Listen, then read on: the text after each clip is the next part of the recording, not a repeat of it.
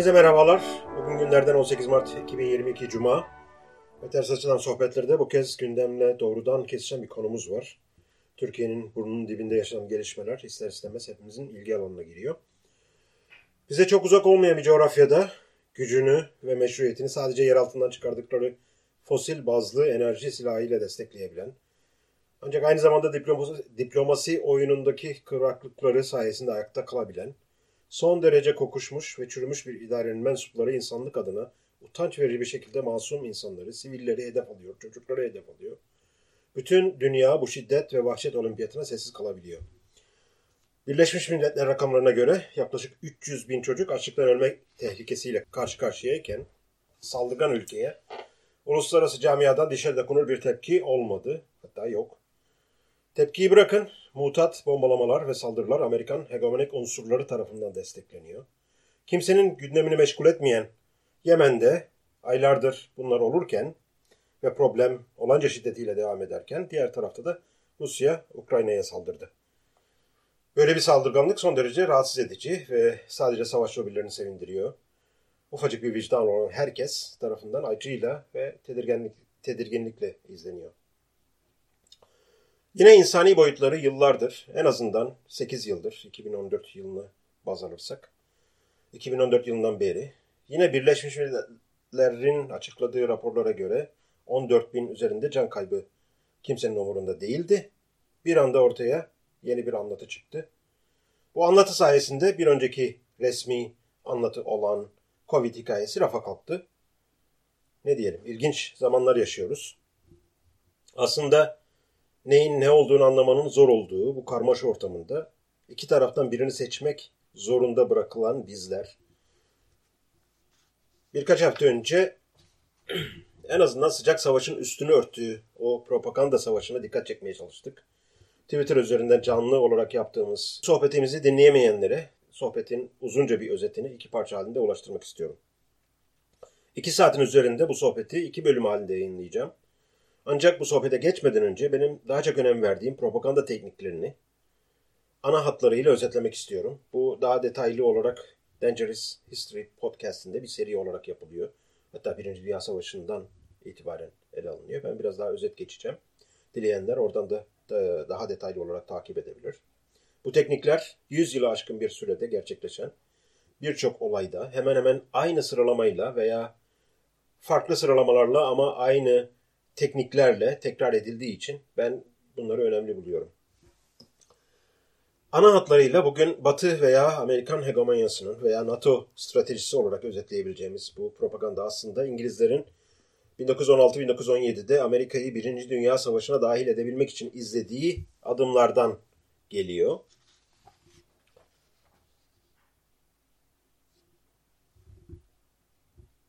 Bu stratejide en önemli safha belirlenen düşman liderinin şeytanlaştırılması.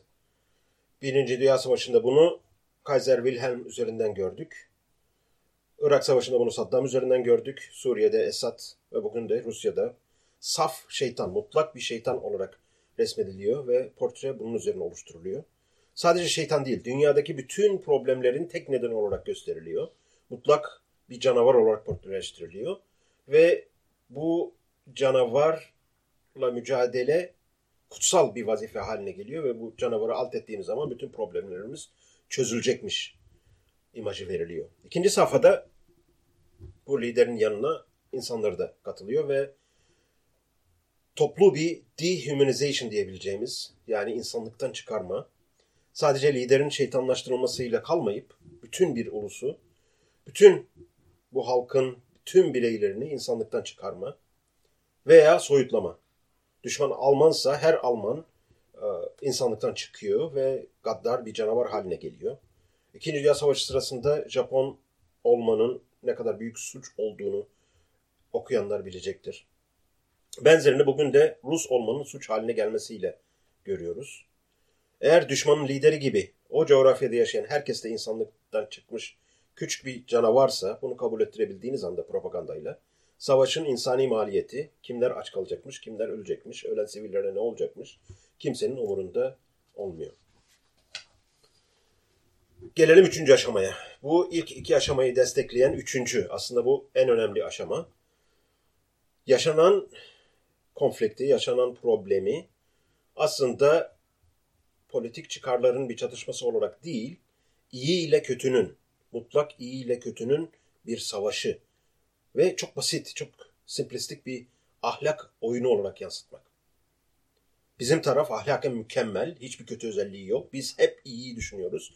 Düşman tarafında hiçbir iyi, iyi özelliği yok. Yani pure evil. Bu şeytanı dünyada kaldırdığımız anda dünya güllük gülistanlık olacak izlenimi vermek. Bu safhayı ne kadar iyi kotarabilirseniz diğer safhaların başarısı da o oranda artacaktır. O nedenle bu safha üçüncü olarak dile getirilmesine rağmen en önemli aşama oluyor propaganda savaşında. Çünkü düşünün tarih boyunca hiçbir savaş mutlak iyi ile mutlak kötünün savaşı olmamıştır. Tarih boyunca yaşanan bütün savaşlarda büyük çoğunlukla kötüyle kötünün savaşı olmuştur zaten. Ama hepsinin temelinde çıkar çatışmaları, politik gözü dönmüşlük vesaire gibi türlü türlü nedenler vardır. Genelde hemen hemen bütün savaşlarda bu detayları görebilirsiniz. Kimse pure evil, pure şeytan, kimse de pure melek, saf melek değildir. İki tarafında iyisi kötüsü vardır. İki tarafında baskın olduğu yerler vardır.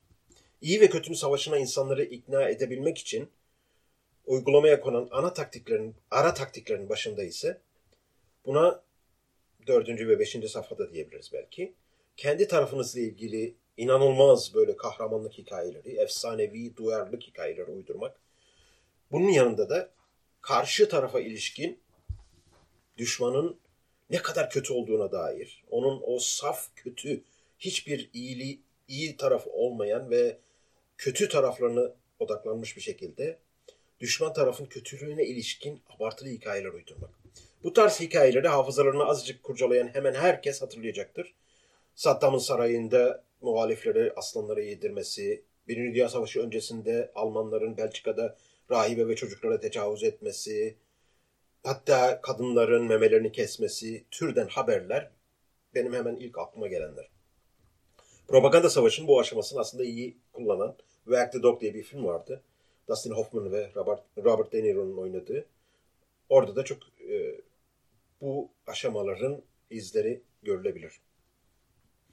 Bu safhaya kadar başarılı olduysanız, yani savaşı politik bir çıkar çatışması değil de mutlak iyi ile mutlak kötünün bir mücadelesi olarak pazarlayabildiyseniz, size inanmasını sağladığınız kamuoyuna ve sizin peşinizden gelen kitlelere düşmanın yapabileceklerini, niyetini abartılı ve yanlış bir şekilde sunmak ve buna inandırmak çok zor olmayacaktır.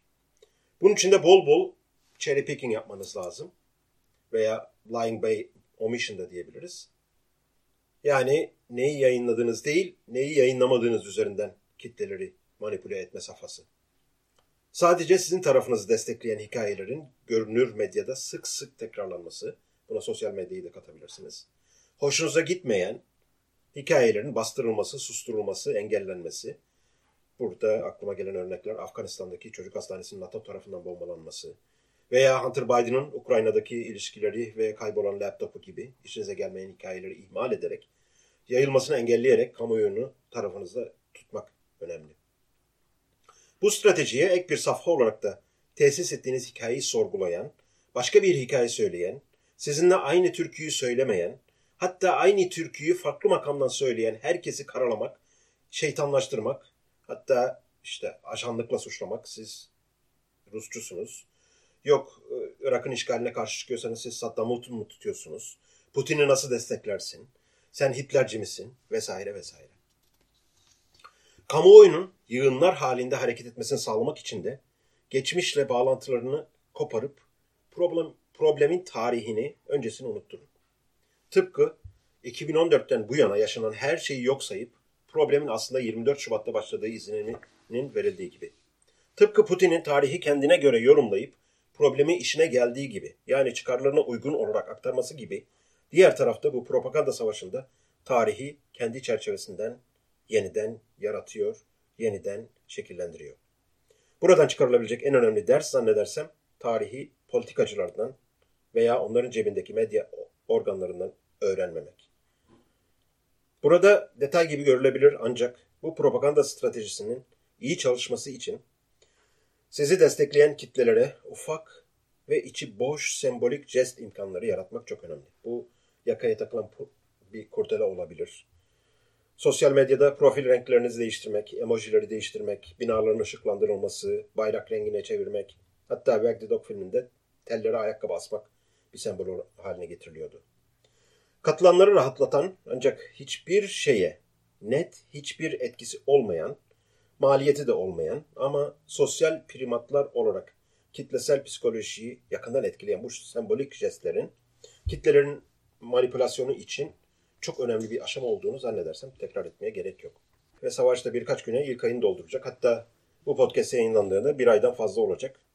Ancak savaşın ilk haftasında yaptığımız bu sohbetin geçerliliğini çok da kaybetmediğini düşünüyorum. Aynı zamanda biraz önce özetlediğim propaganda tekniklerinin son bir ayda daha da belirginleştiğini düşünüyorum. Bu nedenle böyle bir kısa özeti en başa ekleme kararı verdim. Şimdi dilerseniz sohbete geçebiliriz. İki parça halinde yayınlıyorum çünkü çok uzun. Biraz da kısalttım. Ve hepinize iyi dinlemeler diliyorum.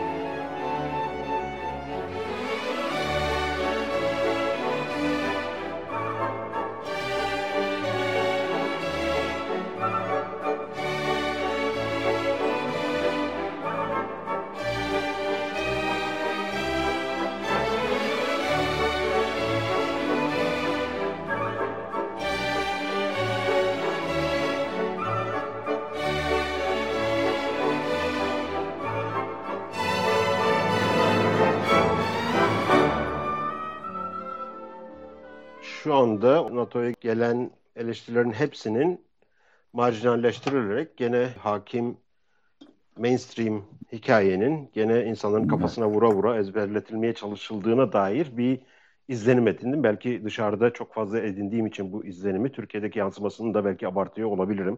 Şimdi taraflardan bir tanesi de aslında bir noktada ben de oldum. NATO'ya uzun zamandan beri karşıyım. Fakat bu karşı olmanın durumu e, uluslararası herhangi bir anlaşma ya da anlaşma dahilindeki olanlar değil, ülkenin genel tarihi boyunca yaşanan olaylarla alakalı. Yani yoksa her devlet uluslararası anlaşma imzalayabilir, süreci farklı görebilir, süreci farklı hissedebilir. Fakat şu konuda bir orta yol net bulunamadı.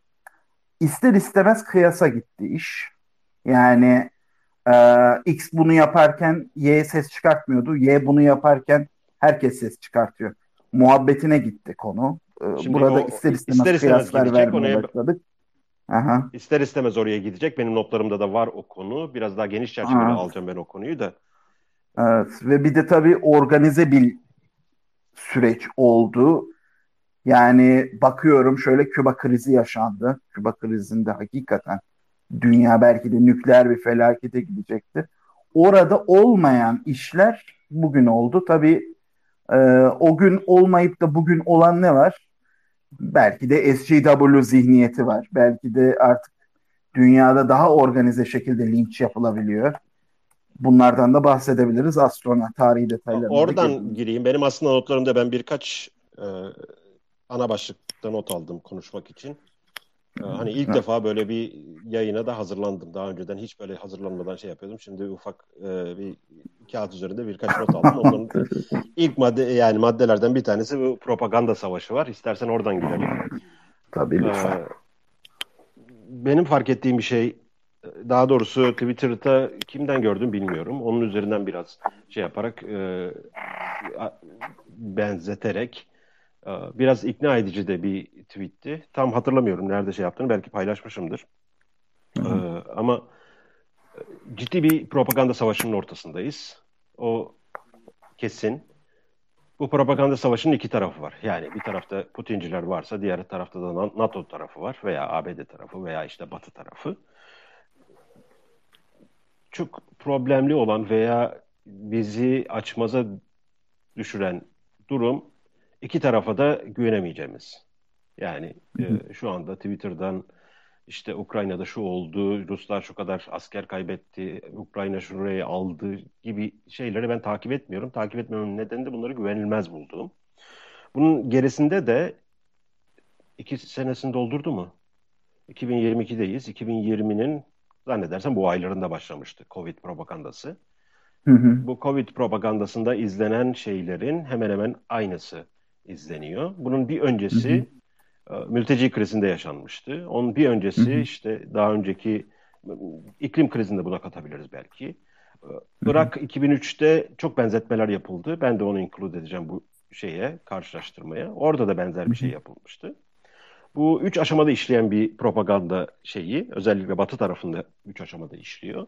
Öncelikle olayı duygusal tarafa iten veya duygusal taraftan, duygusal damardan insanları etkileyebilecek mesajlar seçiliyor.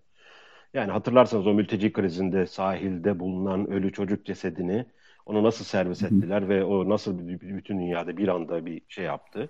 Burada da benzer şeyler Ukrayna üzerinden işte bayraklardır, şunlardır, bayrak renkleridir, işte binaları bayrak renklerine boyama veya e, buna benzer e, duygusal e, ve çok e, hani aslı astarını çok kestiremediğimiz doğru mu, propaganda mı olduğunu tam netleştiremeyeceğimiz, netleştirmek için de herhangi bir kaynağımız olmayan bir sürü propaganda malzemesi ortaya döküldü.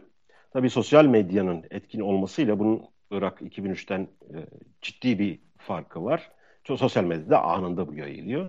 Ve bunun etkisini biz e, gerek iklim konusunda, gerek Covid konusunda, gerek e, mülteci krizi konusunda çok benzer şeyleri gördük. Bu ilk aşama çok başarılı bir şekilde yapıldı.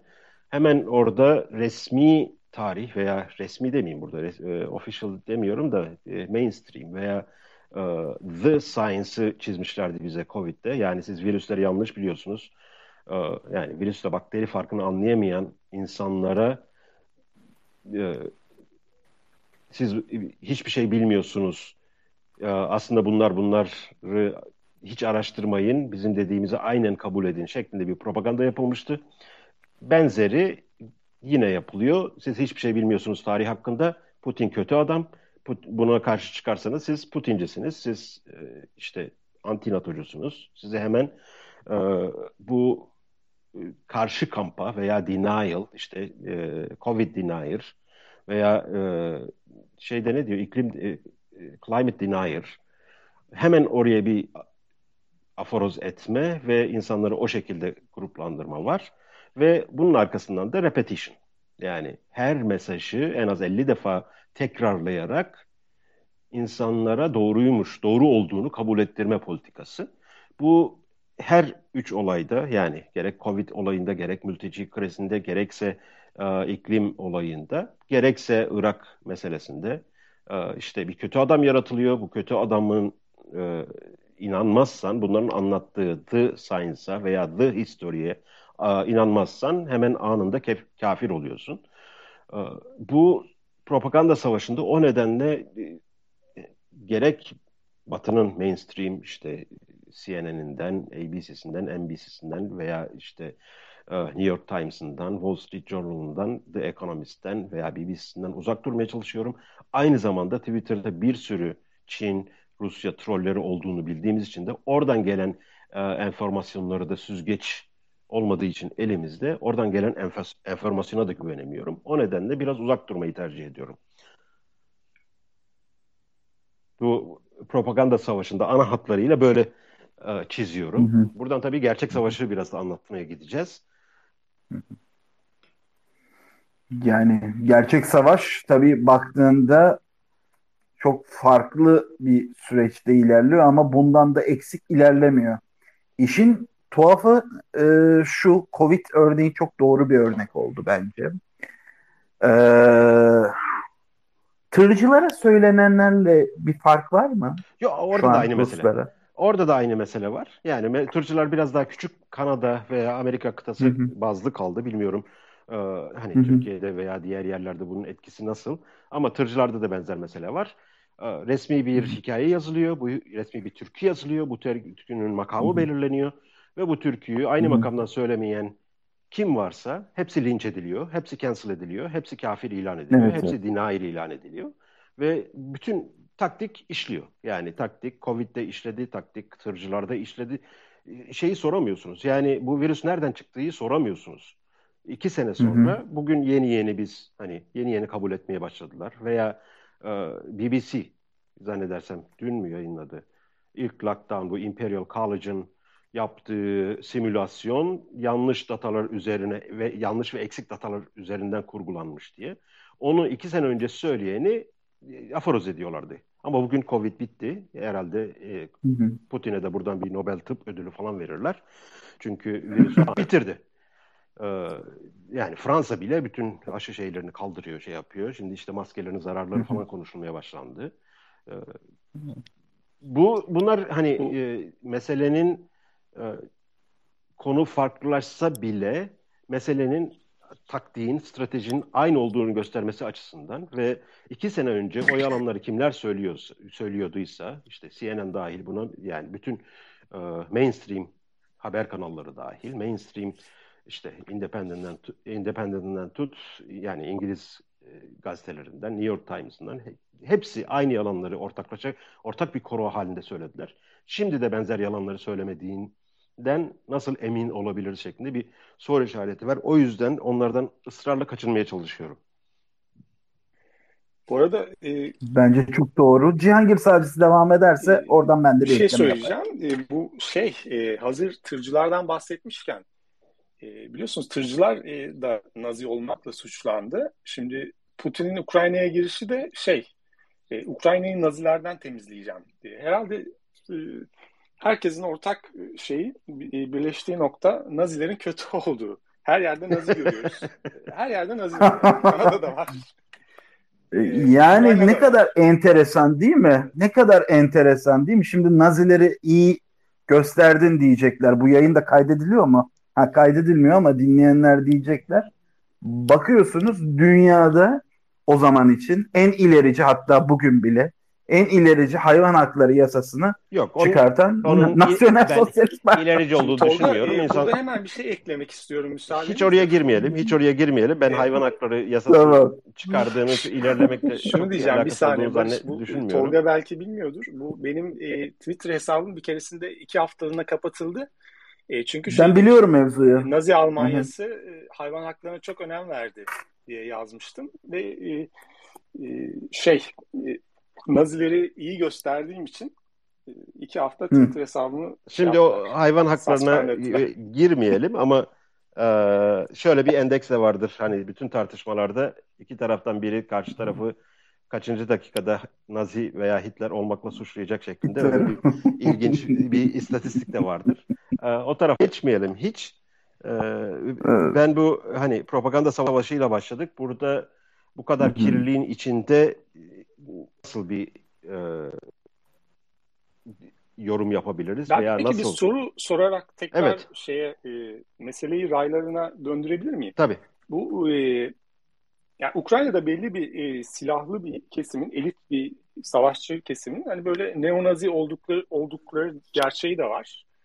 E, daha doğrusu böyle yoğun bir söylenti var. Bu konuda hanginizin bilgisi var? Bir şey söyleyebilir mi? Açıkçası benim yok. Yani bir takım Avrupa'dan neonazi sempatizanı e, savaşçıların gittiğini de biliyoruz Ukrayna'ya. Yani bunlar nerede konuşlandırıldı, nasıl görevler aldı?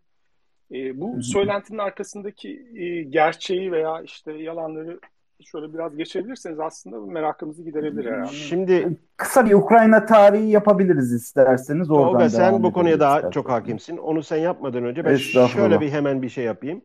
Ee, bu konuyla ilgili geçen hafta mıydı? Ondan önceki hafta mı? Tolga bana sordu. Böyle böyle Nazi gruplar varmış Ukrayna'da biliyor musun? Bilmiyorum dedim. Hiç o konuda bir okumam da olmadı. Çok araştırmam da olmadı. O günden bugüne birkaç sefer böyle baktım. 2019 yılında yayınlanmış. Tolga'ya da göndermiştim. The Guardian'da. Bu e, Ukrayna'da e, aşırı sağcı ve Nazi yanlısı işte e, neo-Nazi gruplarının nasıl büyüdüğüne dair The Guardian'da böyle bir şey yayınlanmış. O dedi onun öncesinden de yayınlar var dedi. Ben dedim öncesi önemli değil. Bugün yayınlarlar mı aynı şeyi? O Hı-hı. ayrı bir şey. Yani bugün benzer şekilde bir resim çekebilir miyiz onu bilmiyorum ama o e, seninle paylaştığım zannedersem 2019 makalesiydi. Tarihin evet, yanlış evet. hatırlamıyorsam. Hani Hı hı. Evet böyle bir şey varmış gerçekten Ukrayna'da e, Macit Navaz da bunu bundan bahsetti. Hatta bunun olası e, etkilerinden bahsetti. Ona belki birazdan gireriz ama e, sana bırakayım topu Tolga. Yani şöyle söyleyeyim aslında iki ülkenin de tarihi süreci işte bu Preyaslav anlaşmasıyla başlıyor. Burada ince bir nüans var. Ee, soru şuradan başlıyor. Ukrayna mı Rusya'ya katılmak istedi yoksa Rusya mı Ukrayna'yı ilhak etti? Mesele buradan başlarken tabii süreçlerin ilerlediğini görüyoruz. Bölgede Türkler de var aslına bakarsanız. Polonya'da var. Az sonra bununla alakalı ilginç bir örnek vereceğim. Ee, ve Ukrayna kendi içerisindeki milli benliği aslında kiliseyle birlikte özdeşleştiriyor. Ee, burada kilise de tabii ciddi bir ayrıma neden olmakta. Şimdi Kiev'deki kilise Ortodoks değil mi? Hı Ortodoks Ama bir zamanlar kilise? İstanbul İstanbul bir zamanlar İstanbul bir zamanlar İstanbul Patrikhanesi'ne bağlıydı. Sonrasında Moskova Patrikhanesi'ne bağlandı. Fakat e, buna dair bir tepki var. Tepkinin olduğu yerde bugünkü Ukrayna haritasını anımsayalım. Batı ve orta kesim. Doğu kesim tamamen Moskova'ya bağlı. Durum böyle olunca buradan ilk bir ayrım aslında çıkıyor. Tabii ikisinin de farklı bir millet grubu olduğunu da bir kez daha belirtelim. Ee, tabii Katarina döneminde, Katarina esasında Alman olduğundan dolayı bölgeye Alman nüfusu yerleştiriliyor. Bunlar ticaret yapabilmesi için ve bölgedeki dinamizmi arttırabilmek için. Polonya'nın ilgisi Batı Polonya ile alakalı. Onlar da aslında nüfusunun bir kısmı orada olduğunu görüyoruz. Tabii yıllar içerisinde süreç bambaşka bir noktaya evriliyor. Baktığımızda işte Taras kardeşliği gibi yeraltı kuruluşları var. Yine Fransız ihtilali sonrasında. Bildiğimiz o ulus devlet süreciyle burada karşı karşıya kalıyoruz. Fakat Ukrayna'da diğer ülkelerin milliyetçiliği gibi bir örnek yok. Mesela örnek vereyim. İrlanda milliyetçiliği bildiğiniz üzere kiliseyle özdeştir. Daha yakın bir örnek vereyim. Yunanistan milliyetçiliği kilise kurumuyla doğmuştur. Veya Ermenistan milliyetçiliği. Fakat evet. burada üç farklı sayıktan bahsedeceğiz. Rus milliyetçiliği, Polonya milliyetçiliği ve Ukrayna'nın kendi merkezi milliyetçiliği. Buna bir de sosyalist kanadı ekleyelim. Bunlar bir araya geldiğinde esasında bölge defalarca yönlendirilmeye çalışılıyor. Az evvel Alman nüfusunda bahsettim. Alman nüfusunda da şöyle bir durum var. Birinci Dünya Savaşı yıllarında ki öncesinde diyeyim daha doğrusu aslında Hitler'in yine Hitler'den örnek vereceğim kusura bakmayın ama e, Lebensraum dediğimiz o yaşam alanı fikri Ukraynalılar, e, Almanlar için de mevcut. Almanlar için mevcut olan fikirde ideal yaşam alanı fikirlerinden bir tanesi de Ukrayna toprağı. Yani bugünkü aslında tartışmalı olan noktalardan bir tanesi. Ee, Rusların genel düşüncesinde burayı biz kurduk, bura bize ait mantalitesini ısrarla aslında belirtiyorlar. Aslında baktığımızda Putin'in ifadeleri de yıllar içerisinde hiçbir şekilde değişmemiş. Buna dair en önemli örnek e, yine bugünlerde çok sık bahsettiğim Oliver Stone'la yaptığı ünlü röportaj. Ee, burada açık açık söylüyor. Bu topraklar zaten bizim diyor. Bu toprakları istemesinin nedeni de e, NATO'nun mantalitesini anlatıyor. Hatta Rosenberg davasından vesaire de bahsediyor. Bize diyor istihbaratı Amerikalılar verdi diyor. Biz Rosenberg'lerden almadık diyor. Çok enteresan ifadeleri var. NATO'nun neden olduğunu hala sorguluyor. Ve bizim etrafımıza neden füze kalkanı yerleştiriyorsunuz? Etrafımıza füze kalkanı yerleştirmenizin amacı ne? Kimden korunuyorsunuz? Bize mi saldıracaksınız yoksa başka bir ülkeye karşı mı? Adamın aslında ilk çıkış noktası bu düşüncesine dair. Tabii bu düşüncesi sadece bu kadar e, aslında sadece ülkesinin dinamiklerini korumak için değil. Arka planda e, bazı felsefi düşünceleri de var. Felsefi derken bunu öyle çok derinlemesine felsefi olarak düşünmeyin. Velikorus ideolojisi diye bizim sık sık bahsettiğimiz bir ifade var. Velikorus düşüncesi Sovyetler dönemine dair eleştirileri çok yoğun şekilde taşımakla birlikte Ekim devrimine de dair Putin'in eleştirileri var. Ee, Çarlık dönemiyle harmanlanan ve kendi fikirleriyle hatta kendi travmalarıyla özdeşleşen bir ideoloji. Ukrayna'da bağımsızlık sürecine girebilmek için farklı ülkelerle aslında yanaşmalara başlamış. Çok öncesinden bu durum söz konusu. Mesela bununla alakalı hatta yine bugün örnek verdim. Roman örneği vereceğim. Beyaz muhafız Bulgakov'un. Çok iyi derecede bunu irdelemiştir.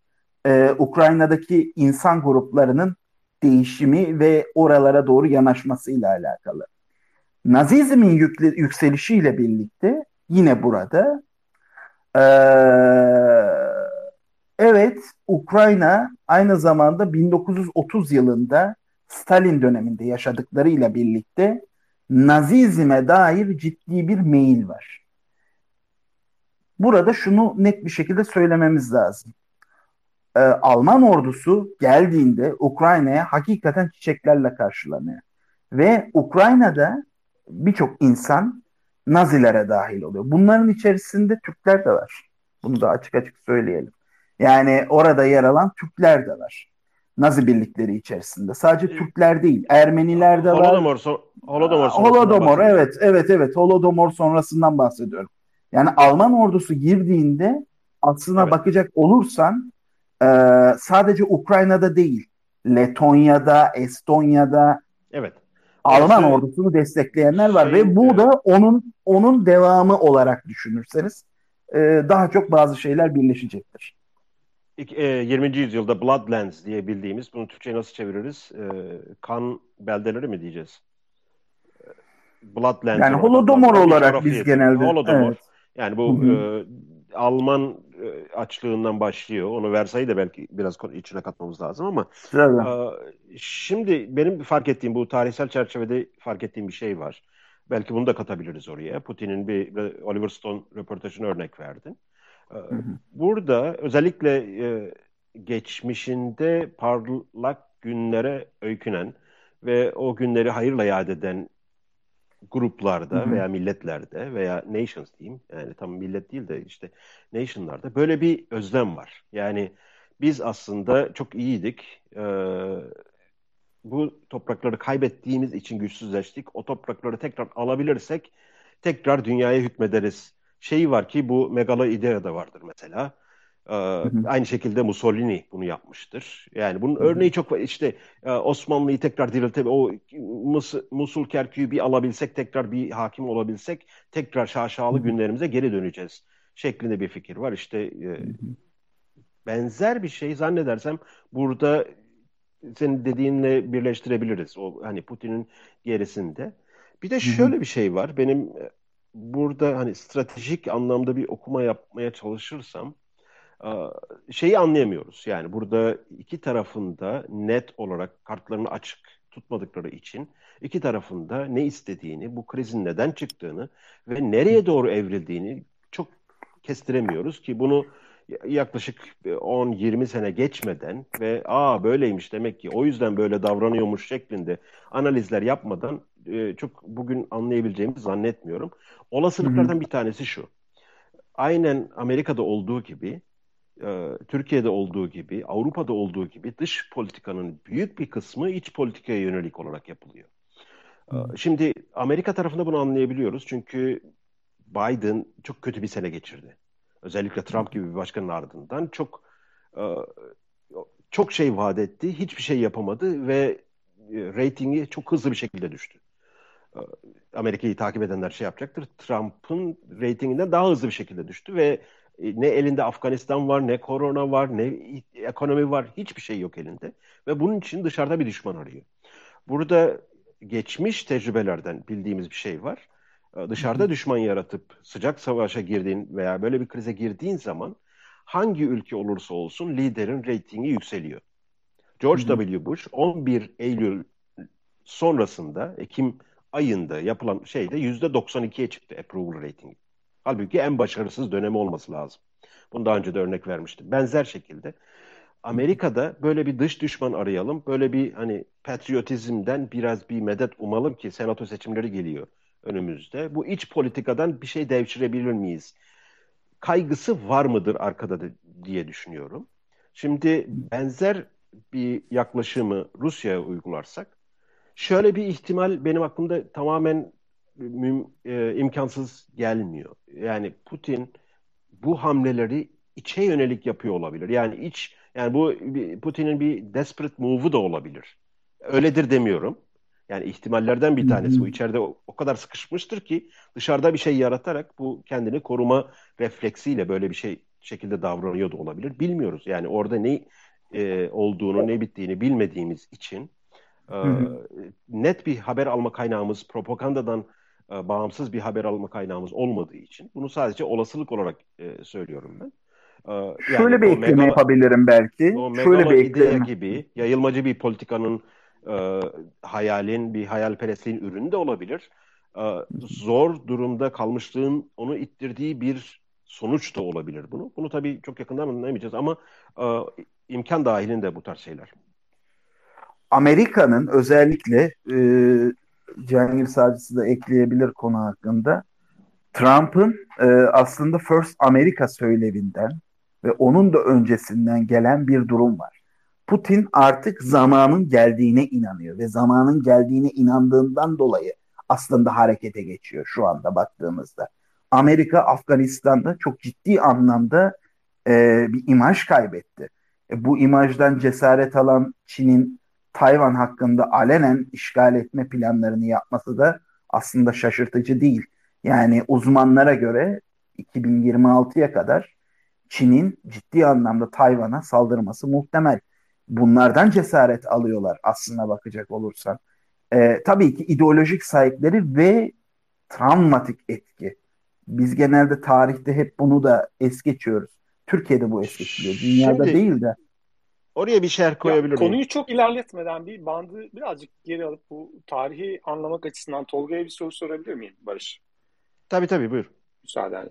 Bu e, biraz önce e, Ukrayna'daki e, milliyetçi yapılanmayı dörde ayırdın Tolga. E, dedim ki işte Rus milliyetçiliği var, Polonya milliyetçiliği var, e, Ukrayna milliyetçiliği var, bir de şey var, e, sosyalist milliyetçilik var dedim. Yanlış evet. hatırlamıyorsam değil mi? Evet, evet, evet. evet. Bu neo-nazi tayfası Ukrayna milliyetçileri oluyor. Bu neo-nazi, evet. Yani baktığımızda Taras Kardeşliği Örgütü hatta evet. Gogol da bunların içerisindedir. Ünlü yazar Gogol. Gogol'un paltosunu çok söyler bizim sol tarafta. Ee, Gogol da bunların içerisindedir. Fakat e, Gogol tabii direkt bir Nazi eğilimi içerisinde değil. Yani Ukrayna, Ukraynalıların aslına baktığında. Buradan gelen bir milliyetçilik dalgası. Çünkü Alman ordusu onları kurtarıcı olarak geliyor.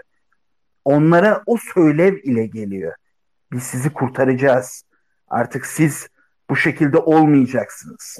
Peki ondan şey, dolayı çiçeklerle karşı. Şimdi orada da yani, bu e, Holodomor, benim... Holodomor öncesinde ve sonrasında bir şey ekleyeceğim. Tabii. Holodomor öncesinde ve sonra Stalin'in de siz aslında yani Ukrayna diye bir yer yoktur. Siz aslında e, Polonyalısınız vesaire gibisinden o tarz hani Ukraynalıları tamamen yok sayma tarzı bir politikası da var. Yanlış hatırlamıyorsam. Aslında Lenin Lenin'in burada biraz hakkını vermek lazım. Şöyle ki eğer Ukrayna'nın kendi dili şu an ayaktaysa bunun çok büyük e, nedeni Lenin'dir. Sonrasında düşme trendine girmiştir. Çünkü Lenin okullarda bunların serbest bırakılmasını istedi. Bunların kendi ideolojik düşüncesinden dolayı.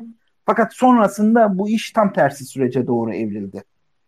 Ee, bunu da bir e, belirtmemiz gerekiyor. Tabii bunların Nazi eğilimleri son derece güçlü. Çünkü e, mesela Heinrich Himmler'in Liebenstraum neresidir, sonu neresidir dediğinde Ural Dağları demesi. Sınırımız bizim Ural Dağları'dır demesi. Ukrayna'daki milliyetçi grupları etkilemesi ve bununla da bağlantılı olarak bugün anlatılmakta. Bir şey daha soracağım. Ee, Bilmediğim şey, için soruyorum. E, Biraz önceki ayrıntılarda bu e, Almanya ile Ukrayna nüfusunun arasında kilise bazlı bir bağlantı var mı? Çünkü Hayır, kilise bazlı bir... Yani kiliseler tamamen farklı diye biliyorum. O evet, tamamıyla farklı. Aslında Polonya'nın da yine Polonya milliyetçileri, Leh milliyetçiliğinde de Büyük Polonya idealindeki sınırlardan bazıları Ukrayna'ya ait. Mesela Lviv diye bugünlerde çok sık bahsedilen sınır aslında Polonyalıların da öyle bir Türkçe söyleyeceğim mefkuresi var. İdeali var aslında. O biraz önce benim ee, anlattığım megalo idea benzeri yaklaşımlara şey yapıyor. Işte. evet, Sırpların evet. da vardı. Ne bileyim İtalyanların da var. Bulgarların da var. Roma Roma'yı tekrar kurmak. Yani yani Yunanların bizim de var. Yani o, o tekrar bir Osmanlı şeyini tekrar e, kuralım vesaire Maalesef. gibi şeyler. Bu tarz şeyler moda oluyor. Ee, hı. Hani böyle bir e, motivasyon var şeyin gerisinde. E, bu hamlenin gerisinde. Yoksa benim biraz önce yani bir olasılık olarak bahsettiğim böyle bir çaresizlik şeyim var. Bir de üçüncü bir opsiyonu da ekleyeyim hadi oraya. O da özellikle bu olimpiyat zamanında Çin ve Rusya yakınlaştı ve bu NATO'nun genişlemesine karşı bir ortak açıklama yaptılar zannedersem. Hı hı. Yani oradan aralarında bir paslaşma var. Çünkü e, şeyde de e, Birleşmiş Milletler'in bu kınama neyi kınadılar? Bir şey kına yaktılar ya geçen.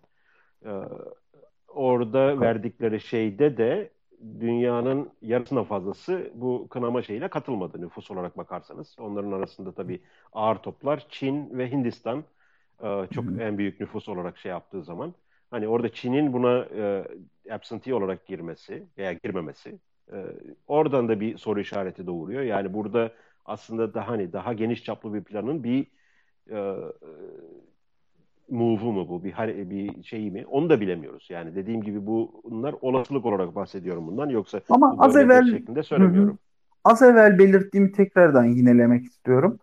Ee, biz dünyaya İngilizce bakan insanlarız veya İngilizce bakmaya çalışan insanlarız. Elimizdeki kaynaklar çerçevesinde.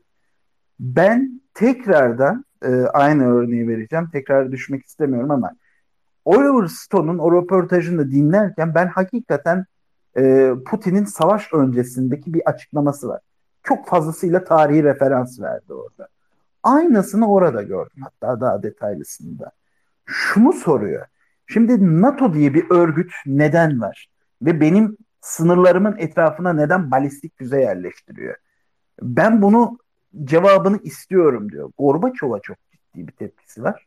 Gorbaçov Berlin duvarı e, yıkıldığında şöyle bir söz almış. NATO benim sınırlarıma yerleşmeyecek şeklinde. Fakat bir kontrat değil. Yani ortada bir yazılı Hayır. bir durum yok. Şöyle Söz bir almış. şey var. One inch eastward. Yani esas geçen kelime bu. 1990 veya 91'de zanneder. 91 zannedersem. Ee, hani Batı Almanya'dan çekilelim. Şey Doğu Almanya'dan çekilelim, askeri çekelim. Oraya NATO yerleşsin derse. Peki NATO ilerlerse şeklindeki bir soruya e, hani bir inç bile bunun doğusuna geçmeyeceğiz şeklinde teminat verilmiş. Bu şeylerde var. Ee, George Washington Üniversitesi'nin arşiv dokümanlarında var. Ama demek ki Putin bunu bilmiyor. Şimdi hayır. Çünkü Putin, biliyor. dedi ki belgesi yok. Şimdi- Aslında hayır. biliyor, onu biliyor. Şimdi tabii. Bilmez olur şöyle diyeyim. O zaman belki e, yoktu. Yeni çıkmış olabilir bu belge. Çünkü arşivler sonradan açıklanıyor. O zaman belki haberi yoktu bu şeyden. Ama şöyle de bir şey var. Hani sen sö- e, o konuya girdiğin için belki buradan hani NATO genişlemesi konusuna geçelim. Hani 1991'de bu söz verildikten sonra 97'de 99, 2004, 2007 NATO sürekli genişledi. Ve burada NATO sürekli olarak teminat verdi ve sürekli olarak sözünü tutmadı. Ve her seferinde burada e, Putin özellikle o röportajı ben tavsiye ediyorum herkese. Çok e, biraz uzun ama e, çok kaliteli bir iş çıkarmış Oliver Stone orada. E, Şu var, bu bütün bu krizde sözünü tutan tek tarafın, şimdi Putinci falan filan demesinler ama sözünü tutan tek tarafın Putin olduğunu görüyoruz. Yani bunu devam ederseniz şey yapacağım dedi ve yaptı. Hani bunu ben Putin'i desteklemek ve yaptığı şeyin doğru olduğunu söylemek adına söylemiyorum. Ama son 30 yılda e, özellikle hani St. Petersburg'un 80 mil batısında NATO füzeleri konuşlanmış durumda. Bunu 1999 Clinton zamanında zannedersem soruyorlar ne bu füze ne iş? Yani 80 mil St. Petersburg'la. E, diyorlar ki biz bunu İran'a karşı yapıyoruz. Yani bu açıklamanın ne kadar mantıklı olduğunu, ne kadar ikna edici olduğunu e, coğrafya bilenlerin muhakemesine bırakıyorum. Şimdi ben e, coğrafyayı çok yani en azından başkentlerin yerlerini iyi bulurdum. E, ortaokuldayken, lisedeyken falan da. Şimdi bu e, Ukrayna'yı tamamen alırsa Putin e, Macaristan'a yaklaşmış oluyor. E, e, Macaristan NATO ülkesi değil mi? Yani yine sınırına bir NATO ülkesi koydun. Yani NATO'dan uzaklaşmıyorsun ki. Araya Moskova'yı burada baş, baz alalım lütfen. Moskova'yı lütfen baz alalım. Moskova'yı baz alıyor. Yani, yani Moskova'ya belli ne kadar uzak istiyor şeyi kendisi. Evet. Ee, pardon evet. NATO'yu yani. Hmm, sadece NATO olarak değil, balistik füze muhabbetini başkentinden uzak tutmak istiyor. Peki biraz önce şey dediniz, dünyaya İngilizce bakan e, gruba mensup e, hı hı. milletler olarak veya işte insanlar olarak sizin e, şeyiniz nedir? Yani NATO ne yapmak istiyor? Rusya'ya yaklaşarak yani sınırlarını yaklaştırarak, füzeleri yerleştirerek. Yani Rusya'ya bir saldırı planlanıyor mu?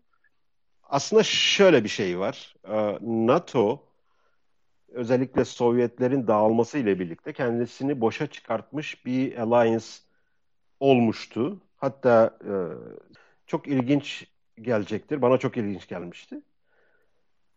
Amerika Sovyetleri ayakta tutabilmek için dağılmaması, dağılmasını engellemek için uğraşıyor diplomasiyle.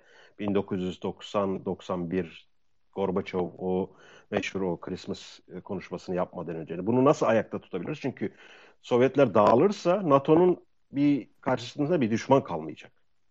Bunu anlayabilir yani e, sebebini, motivasyonunu anlayabiliyoruz. Amerika'nın neden karşıda onu e, ayakta tutmaya veya dağılmasını önlemeye çalışmasının. Çünkü iki kutuplu bir dünya, alışılmış bir düzende Amerika biliyor daha fazla güce sahip olduğunu. Ki bugün de öyle. Bugün de NATO e, Rusya'nın 10 katından fazla askeri harcama yapıyor. Gelir bakımından 20 katından fazla bir öyle ciddi devasa farklar var. Yani öyle çok hani korkulacak ne askeri ne ekonomik bir büyüklüğü yok e, Rusya'nın. Diğer taraftan NATO'nun en büyük şeyi, e, en büyük motivasyon genişlemesinde e, askeri kontrat sözleşmeler var ve nasıl diyeyim bu military industrial complex diyoruz ya bu asker, e, savunma sanayi. Savunma hı hı. sanayi kontratları var. Savunma sanayi kontratları için çok inanılmaz bir kaynak NATO'nun genişlemesi. Çünkü her genişlediği ülkede bütün askeri e, şey teçhizat sıfırdan yenileniyor. Eski sistemler atılıyor. Son model bütün NATO e, seviyesine ulaşacak şekilde e, yeni baştan e, bunlar e, sözleşmelerle dağıtılıyor. Bu sözleşmelerin tabii ki e, bu millet çoğunluğu batı kaynaklı savunma sanayi şirketleri. Ve dolayısıyla orada ekonomik bir çıkar var. Yani altı büyük silah şirketi veya savunma sanayi şirketi yıllık 50 milyon dolardan fazla lobicilere harcıyor sadece Amerika'da. Bu da açıklandığı Yani yine de bu ama bir Rusya'ya bir tehdit değil. Amerika silah şirketlerinin para kazanması eğer saldırmayacaklarsa. Hayır. Bu NATO'nun genişleme gerisindeki motivasyonla bahsediyorum. Ben. Anladım. Yani o zaman Putin şüphelerinde haklı değil. Şimdi Putin şimdi o kısmını bilmiyoruz. Şimdi Putin hakkında okuduğumuz her şeyi Oliver Stone röportajı da dahil biz İngilizce kaynaklardan şey yapıyoruz ve e, bunun ne kadarı bize ciddi doğru bir pro, e, Putin profili çiziyor, ne kadarı Putin'i göstermek istedikleri istedikleri gibi görmemizi sağlıyor. Onu bilmiyoruz. Çünkü hani Batı'nın burada sicili de biraz e, netameli. Şöyle diyeyim biz hani Balkan Hitlerini biliyoruz. Milosevic'ti. E, Arap Hitlerini biliyoruz. Saddam'dı. Yani bunlar sürekli olarak kendisine karşı çıkan veya kendi çıkarlarına karşı en ufak bir pürüz çıkaran herkesi e, Hitler olarak adlandırmaya hevesli bir grup. Yani bunun tarihinde bu var. Benzer alışkanlık burada da karşımıza çıkıyor olabilir şimdi, mi şeklinde bir soru sormadan edemiyorum. E, mutlaka öyle de. E, evet. Yani şimdi burada Putin'in kendi ağzından çıkan gerekçe de bu. Yani NATO burnunun dibine kadar geldi. Evet. Bu bana bir tehdit oluşturuyor. Şimdi ama yani biz bu tehdidi tabii ki e, dünyaya İngilizce baktığımız için belki de göremiyoruz. Zaten onu hani tartışmak Şimdi, üzere buradayız. Yani böyle bu şu tehdit var. nerede? Yani şu anda biz ortaya koymadık bu tehdidi. Yani. Şu var. Şöyle bir e, hani Putin'in e, nasıl iş başına geldiğini biraz hatırlarsak Boris Yeltsin vardı. Gorbaçov'dan sonra gelen ve o arada geçen e, 7-8 yılı Batı çok fazla abuse etti. Yani burayı hani o demokratikleştirme, özgürleştirme, işte e, hani end of history biz kazandık e, naraları altında burayı en kolay nasıl sömürebiliriz şeyine girdiler ve bütün hani o Boris Yeltsin zamanındaki o yolsuzluklar oluşan e, batı kaynaklı oligarklar işte Larry Summers'lar, Jeffrey Sachs'lar bunlar geldi. Yani onun ardından e, orada bir şey var. Yani e, komünizm döneminden kurtulmuş ve özgürlüğe kavuşmuş bir dünyada hayat beklentisi çift basamaklı rakamlar oranında düşüyor.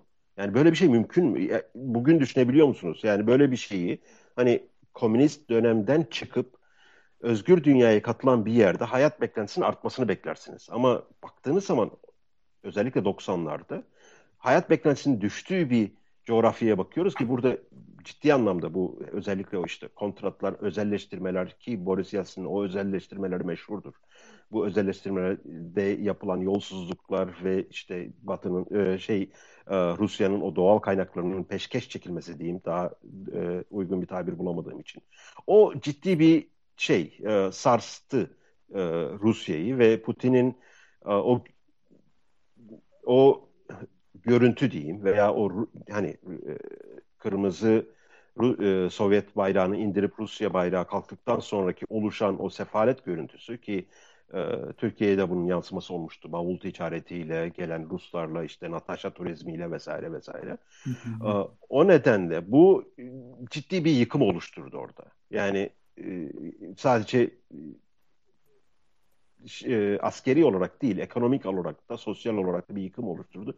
Ve böyle bir tepki oldu. Ondan sonra da hani e, özellikle 2000'lerden sonra bu Color Code Revolution'lar var. Yani nereden başladı? İlki hangisiydi hatırlamıyorum. Bu Gürcistan'da oldu, Ukrayna'da oldu. İşte turuncu devrim, gül devrimi. E, Tolga sen hani hatırlıyorsan Hı-hı. beni burada e, evet. Yani yani bunlar da sürekli Hı. olarak nerede böyle Rusya sempatizanı bir şey varsa onun aleyhinde bu Amerika'nın üç harfli dernek e, dernek diyeyim artık e, Amerika'nın üç harfli dernek. Bunlar çok aktifti bu şeyde ve sürekli olarak Rusya aleyhtarı e, işlere kalkıştılar. Yani doğruydu yanlıştı orası ayrı bir şey. Ben burada hani savunmuyorum herhangi bir tarafı ama anlamaya çalışıyorum. Bu krizin yani neden böyle bir refleks var? Ee, ve burada hani NATO'nun var olması için bir sebep kalmamışken e, NATO'nun hala bu kadar iştahlı bir şekilde genişlemeye çalışması ki giremediği veya NATO veya NATO'nun temsil ettiği ABD kaynaklı şirketlerin giremediği ender coğrafyalardan bir tanesi. Rusya, Çin, Hindistan ve İran. Yani büyük coğrafya olarak görebildiğim, giremediği yerler burası. Şimdi Amerika dediğimiz veya NATO dediğimiz şeyin 800'den dünya genelinde 800'den fazla yerde üssü var. Daha yani nasıl bir düşman anlayışı var ve neye karşı bu alliance genişlemeye çalışıyor? Ben onu aynı Putin gibi anlamlan, anlamlandırmakta zor zorlanıyorum. Evet. Aslına bakarsan ters açı burada e,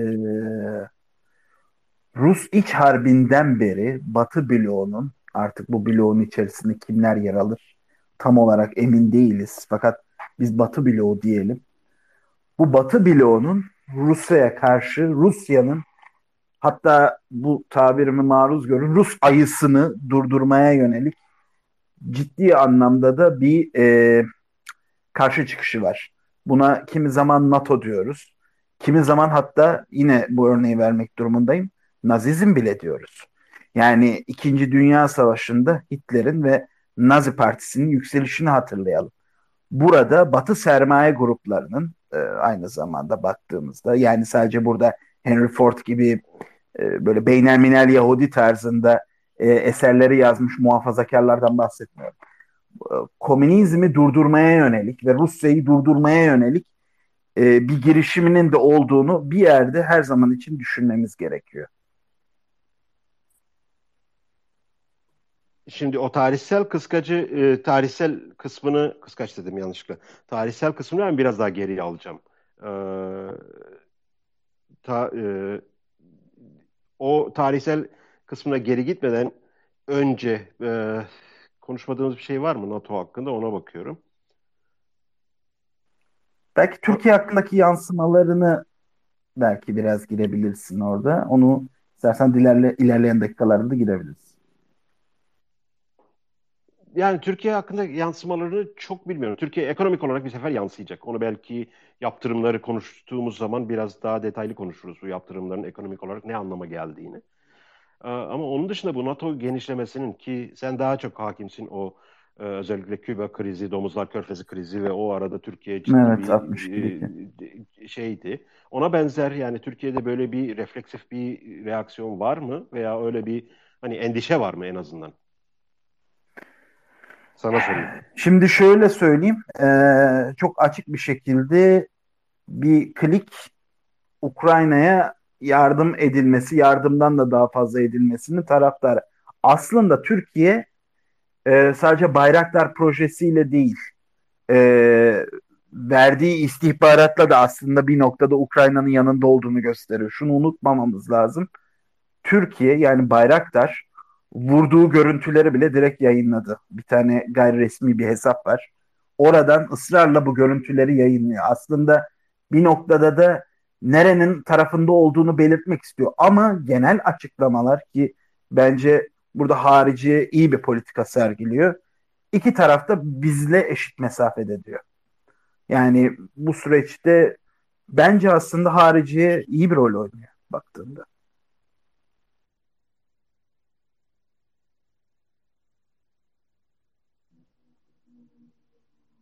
Şimdi orada şu da var zannedersen bu NATO konusunu kapatmadan önce. Sesim geliyor mu? Evet evet geliyor şu anda. NATO konusunu kapatmadan önce bir de NATO'nun siciline bakmamız gerekiyor. Özellikle Irak 2003'ü ben çok önemli görüyorum. Orada insanların gözünün içine baka baka nasıl yalan söylediler. Gözünün içine baka baka hı hı. Saddam e, kimyasal silahları e, neydi adı? Kimin? Şey bu e, Afganistan'daki Aa, çöl bedevisi var diye bir tane. Bu, Osama Bin Laden. Üsame. Üsame Bin Laden. Şimdi e, işte Saddam kimyasal silahları Üsame Bin Laden'e verecek vesaire biz hani bu şeyleri e, kimyasal silahların yerini bile bulduk diye e, Colin Powell'lar, Colin, Condoleezza Rice'lar vesaire bütün dünyayı kandırdılar. Açık açık gözünün içine baka baka kandırdılar. Ve şimdi bu insanlara bizim güvenmemizi bekliyorlar. Yani sicil o kadar kötü ki NATO'nun veya ABD'nin tarafında. Yani ben hani Irak, Libya, Suriye, Somali e, şey yani Yemen. Yani bugün Yemen'de oluşan durum Rusya ve Ukrayna ile Rusya ile Ukrayna arasında oluşan durumun birebir kopyası. Suudi Arabistan aynen otokratik bir yönetim bir aile tarafından yolsuzluklarla dolan bir aile tarafından yönetiliyor ve Yemen'de bugün açlık var. Nüfusun üçte biri e, şeyden açlıktan dolayı ölüyor. Hastane hiçbir şey gitmiyor. Oraya El-Kaide'de doluştu, ISIS'te doluştu. Orada kaç senedir burada ABD involvement'ı var. Ve burada ABD tam tersi şekilde e, Suudi Arabistan'ı destekliyor. Yani birebir baktığınız zaman burada ciddi e, tezat var NATO'nun bakışında. E, savunulacak bir çok bir tarafı yok. Yani e, Sicil'e baktığınızda işte Afganistan'da olan belli bir de şöyle bir durum var. Yani Rusya'nın Sicil'ine baktığın zaman Rusya özellikle 1990'dan sonra birkaç yere girdi çıktı. Yani bir benim hatırladığım bir e, bu Ermenistan Karabağ meselesinde bir girdi çıktı. E, Gürcistan'a bir girdi çıktı zannedersem. Suriye meselesinde aktif rol oynadı. Suriye, Suriye Libya'da. meselesinde aktif ama Suriye meselesinde nasıl aktif rol oynadı? Amerika El-Kaide'ye yardım ederken Evet. o da, o da ilginç bir tezat. Yani benim anlamadığım ne biliyor musun? Ben ilk izlediğimde şok oldum. Condoleezza Rice çıktı ve ulus devletten, demokrasiden falan bahsetti. Ya. Yani hani akıl, akıl erdiremedim yani. Evet. Condoleezza yani Rice'dan bahsediyorum. Bağımsız yani. bir de, bağımsız bir devletin toprak bütünlüğüne saldırı yapmak şeydir ve şöyle bir şey var. Şunu şu, şunun için söyledim. Putin'in sicilinde biz ne görüyoruz? Giriyor. Mesela halledikten sonra geri çıkıyor. Yani bunu savunmak için söylemiyorum. Abi tekrar. dümdüz etti Dağıstan'ı ya. Çeçenistan'ı dümdüz etti Barış. Aynı meseleden Putin'in değerlendirirsek Amerika Libya'ya girdi, çıkmadı. Şimdi Amerika girdiği zaman da dümdüz ediyor. Yani Irak dümdüz çıkmıyor. Afganistan'a girdi çıkmıyor. Suriye, gir, Yemen, Somali yani sicil olarak daha uzun süreli bu işlerin devamından medet uman bir NATO var ki burada da hani bu e, günümüzdeki krizde de ben çok fazla gündelik gelişmeleri takip etmiyorum ama Putin'in olayı biraz daha çabuklaştırmak yani bir an önce bitirelim meselenin sonucuna ulaşalım. NATO'nun ise bunu biz ne kadar propaganda savaşına dönüştürüp ne kadar uzun uzatabilirsek o kadar daha avantaj sağlarız şeklinde bir strateji takip ettiğini seziyorum. Ya hatalı acaba, olabilir ama... Hı hı. Acaba şunu desek daha mı doğru olur? Birisi bir blok organize şiddeti ve organize haklılığı daha iyi yapabilirken diğer blok yine organize şiddeti ama organize haklılığı savunamıyor diyebilir miyiz? Metotlar değişti. Yani şeyin yaptığı, e, Putin yaptığı eski usul. Yani Çarlık dönemi veya işte o sultanların döneminde, kralların dönemindeki usullerle işte e, toprak zapt edeyim, bunu koz olarak kullanayım vesaire şeklinde olayı katmanlara ayırtamıyor. Ayırmasında en azından diğer taraf kadar mahir değil. Onu söylemeye çalışıyorum ama e, diğer tarafta bu daha ustalıklı bir şekilde yapılıyor. Yani Rusya'da olan yolsuzluğun belki 10 kat, 20 kat fazlası Birleşmiş Milletler Batı camiasında şey yapıyor. Yani o Irak'ta Food for Oil programında şey yapılan bütün dünyada yani bütün hani Rusya'nın bütün ekonomisinden bile büyüktü orada çalınan paranın. Haddi hesabı yoktu. Onu hı hı. söylemeye çalışıyorum. Yani burada herhangi bir tarafı savunmak için söylemiyorum. Sadece e, karşımızda bu hani bilançoyu çıkarttığımızda iki tarafta girdi mi dümdüz ediyor. İki tarafta e, çok bir ne ahlaki ne insani hiçbir kaygısı olmadan insanların gözüne yaşına bakmadan sivilleri de öldürüyor şeyi de öldürüyor. Şimdi sivilleri öldürüyor dediğimiz zaman Rusya da öldürüyor Amerika da öldürüyor. Şimdi aslında tarihsel çerçeve girersek belki bu soru daha kolay cevabını bulacak. Çünkü e, George Cannon'ın söylediği bir şey var. Yani bütün e, şeyler all lines of inquiry lead to the First World War der. Yani bütün bugünkü konfliktlerin, bugünkü e, anlaşmazlıkların, savaşların nedenini anlamaya çalışmak için her çalışma için uğraşan herkes en sonunda döner dolaşır Birinci Dünya Savaşı'na gider der. Burada kuz, kuzenler arasında bir savaş var. Hmm. Ee, istersen oraya girelim. Yani kuzenler derken burada ben Victoria'nın e, Victoria'nın e, şeyinden bahsediyorum. Queen Victoria'nın. Onu bahseder misin bir bu Rus çarı, Alman kayseri bunların bir de arada Danimarka prensi mi var, prensesi mi var? Hepsi ee, var. Yani hepsi var. Hepsi Sonra var. Sen, yani sen anlatır mısın bu e, akrabalar nasıl Avrupa'nın içine etmişler? Vallahi şöyle söyleyeyim. E, Kraliçe Victoria'nın işte bildiğiniz üzere